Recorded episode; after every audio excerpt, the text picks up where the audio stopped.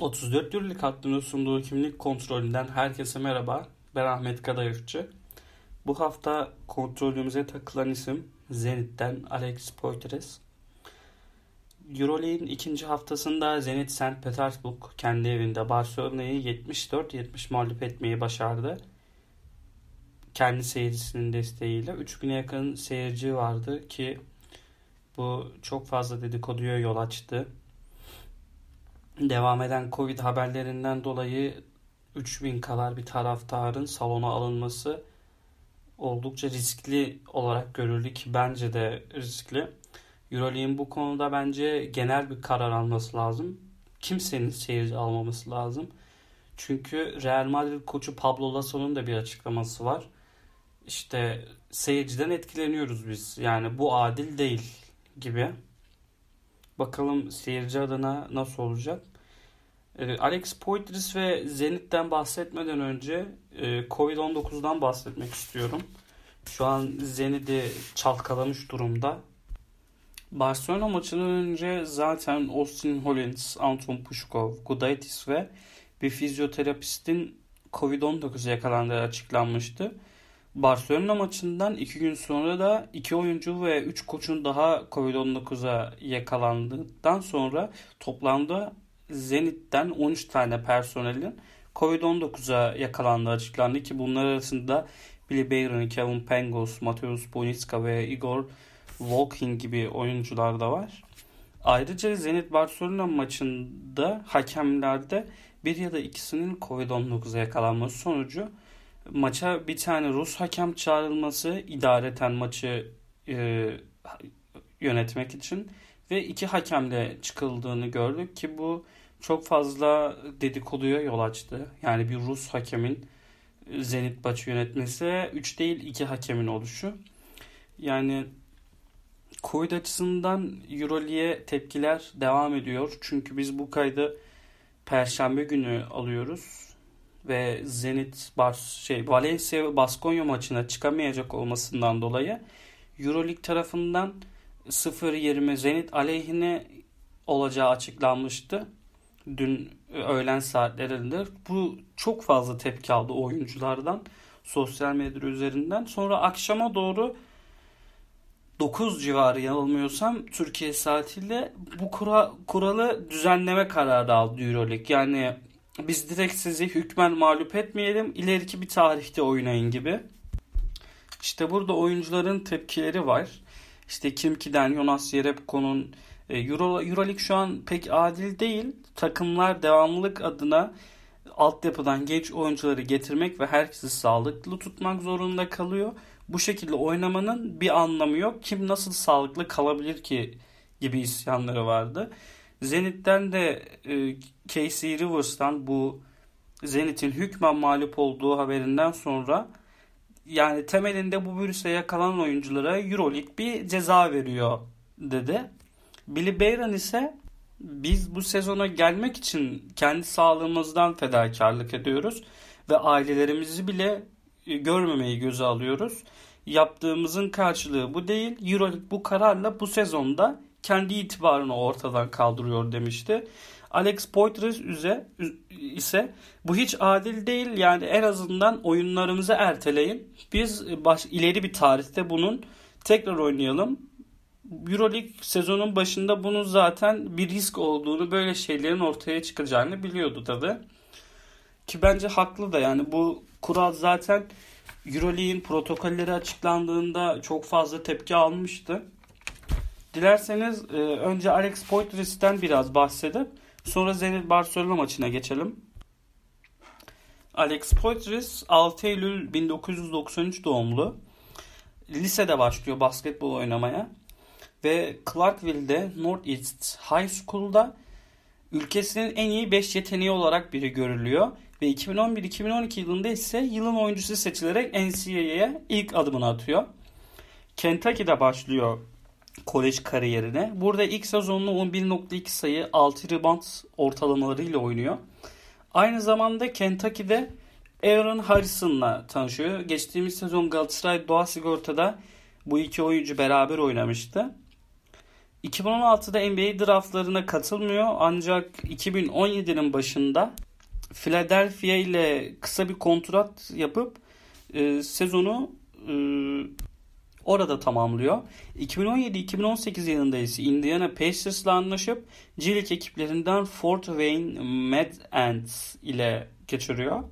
2018-2019 sezonunda ise Atlanta Hawks ile imzalayıp 21 NBA maçında 5.1 sayı 3.6 rebound ile oynayıp aynı sezon Atlanta Hawks'un G League takımı olan Erie Bay Hawks ile 18 maça çıkıyor. Burada da 23.7 sayı, 9.7 rebound, 12.7 asist, 1 top çalma, 1.2 blok ile oynuyor. Sezon devam ederken de CBA yani Çin ekiplerinden Jilin North-Est Tigers ile mücadele ediyor. Aralık 2019'da ise Galatasaray Doğa Sigorta ile anlaşıyor.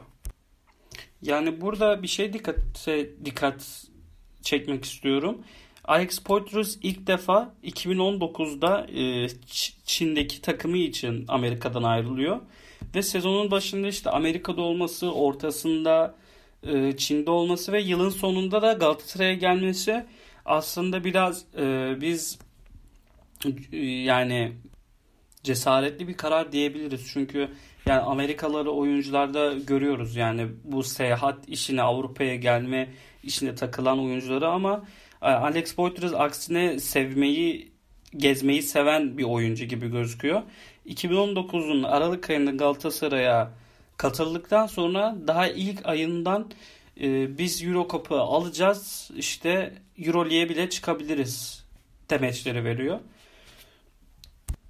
Ki Galatasaray koçu Ertuğrul Erdoğan da kendisinden çok memnun.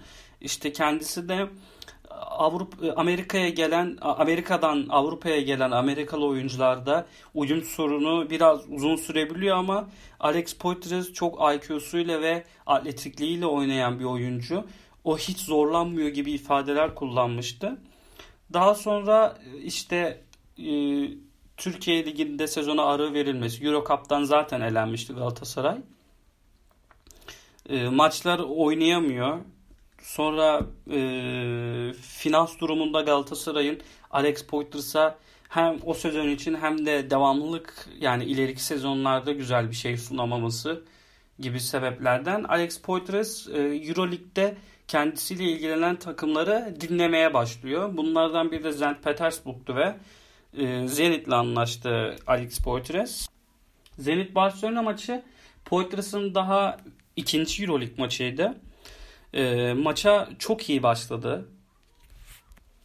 Hücum anlamında e, çok sayısı yok Zenit'in. Yani ilk çeyrek 16-19 bitiyor, bitiyor ama zaten skor anlamında kısır başlayan bir maçta o kısırlığı bir kırmak adına ilk 4 sayının kendisinden gelmesi önemliydi. Ki kendisi iyi, çok iyi de savunuldu. Daha sonra e, ilk molaya e, 3,5 dakikada ona 2 Barcelona üstünlüğüyle gidildi. Ki bu 3,5 dakikada 5 top kaybetti Zenit. Yani gerçekten çok dağınık başladılar. Mola sonrası Billy Bayron'un girmesiyle bir e, kritik üçlüyü var direkt mola dönüşü Billy Bayron'un. Bundan sonra rahat bir nefes aldı Zenit. İkinci çeyrek ise karşılıklı faallerden dolayı e, çok sıkıcı bir periyottu. Oyun iyice yavaşladı, çok fazla durdu. Yani çok keyifli bir maçın en kötü kısmıydı bu ikinci çeyrek. Yani 1, 3 ve 4. çeyrekten çok bir alakası yok gibiydi. Yani burada ikinci periyotta şey gözüme çarptı. Yani Mirotic'in kolunu açarak yaptığı hücum faalleri hakemler görmezden gelmesi. İşte Alex Poitras'ın perde yapıyorken işte kısalın kendisine takılması ve Alex Poitras'a hücum faal ezbere çalınan hücum faaller dikkatimi çekti. Yani bunda maçta iki hakem olmasının da belki payı vardır hakemlerin biraz daha baskı altında olması, daha çok sorumlu olmasından dolayı. İkinci devrede ise Zenit çok daha özgüvenli olan kısmıydı. Yani skor yine dengede gitti ama Zenit yani çok defa çok daha özgüvenli gözüküyordu ki savunmayı da iyice sıkı tuttular. 54-55 geride girdiler 4. çeyreğe ki 3. çeyreğin bitimine 1 dakika kala Alex Poitras dörtledi ki bu çok önemli. Brandon Davis'ı elinden geldiğince tutmayı başardı. Ki kendisi çıktıktan sonra Brandon Davis Zenit için çok tehlikeli hale gelebilirdi. Son çeyrek başlarken Zenit ilk defa Ponitka'nın sayılarıyla öne geçti. Daha sonra e, Pengos çevresinde yine hücumlar yapıldı ve topu bir şekilde Casey Rivers'a getirip buradan Casey Rivers'ın James Harden vari step back şutlarıyla e, dördüncü çeyreği Barcelona'yı Barcelona'ya burası bizim evimiz kazanamayacaksın gibi mesajlar verdi. İşte Casey Rivers'ın attığı bir üçlükten sonra bağıra çağıra kendi bencine koşması yani çok hoş bir görüntüydü. Yani izlemeyen varsa ben çok tavsiye ediyorum bu maçın yani izleyin. Yani Casey Rivers'ın son çeyrek yaptıkları gerçekten çok iyiydi. Ama dördüncü çeyrek Barcelona'nın 8-0'lık bir serisi var. Ardından mola dönüşü Poiters'ın savunmada Brandon Davis'a bastığı inanılmaz bir blok. Ve Casey Rivers'ın, Billy Barron'ın, Pengos'un, Poiters'ın sayılarıyla bir şekilde skorda kalıp öne geçmesi. Daha sonra Nick Calates'in Abrines'in kaçırdığı kritik şutlar. Ki Calates demişken burada bir parantez açmak istiyorum. Hala Caddebostan'daki sahadan çağırdığınız sıradan bir streetbolcunun Nick Calates'ten daha iyi şut atması kabul edilemez ki bu durum oluşunca da e, sizin hücumdaki silahlarınızdan birisi takımınızı iyi yönetmek, liderlik yapmak ve yön vermek olunca ama psikolojik olarak bunları yap, yani pek yapamaya, yapamayacak haldeyken siz çok kısıtlı bir hücum silahı haline geliyorsunuz. Ki burada talihsiz bir anı var Nick Calates'in. E, maçın bitimine bir dakika kala Zenit önde. Top çıkartıyorlar. Kevin Pangos'u savunuyor. Tam sağ baskı var.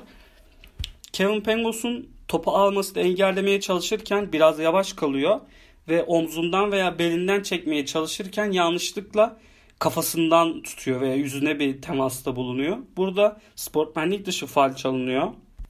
Ki maçın bence önem, en önemli anlarından yani burada hem e, serbest çizgisine çizgisinde sayı bulup hem de kenardan topu oyuna sokması maç sonu için Zenit için çok büyük bir artı oldu ki buraları daha iyi oynayabilecek takım Barcelona yani biliyoruz işte Corey Higgins gibi Mirotic gibi tecrübeli isimler olduğundan dolayı. Yani bu maçı e, Zenit çok iyi oynadı. Hakkını verelim Zenit'in. Ama Barcelona'da işte Mirotic'in 14 sayıda kalması, Corey Higgins'in 7 sayıda kalması, Brandon Davis'in de 8 sayıda kalması e, Barcelona adına mağlubiyeti getiren etkenlerdendi. E, umarız yani sezonun devamı adına Covid-19 vakaları minimum seviyeye iner ve sezon bir şekilde oynanır. Gidişata göre yani çok zor gözüküyor. Bu hafta çift maç haftası oldukça yoğun bir e, ulaşım yoğunluğu var. Yani umarız takımlar adına bu çift maç haftası en az zararlı hale geçer. Sezonun sağlıklı bir şekilde devam etmesini umuyoruz. E, bu haftalık kimlik kontrolünden bu kadar. Haftalık haftaya yine görüşmek üzere. Hoşçakalın.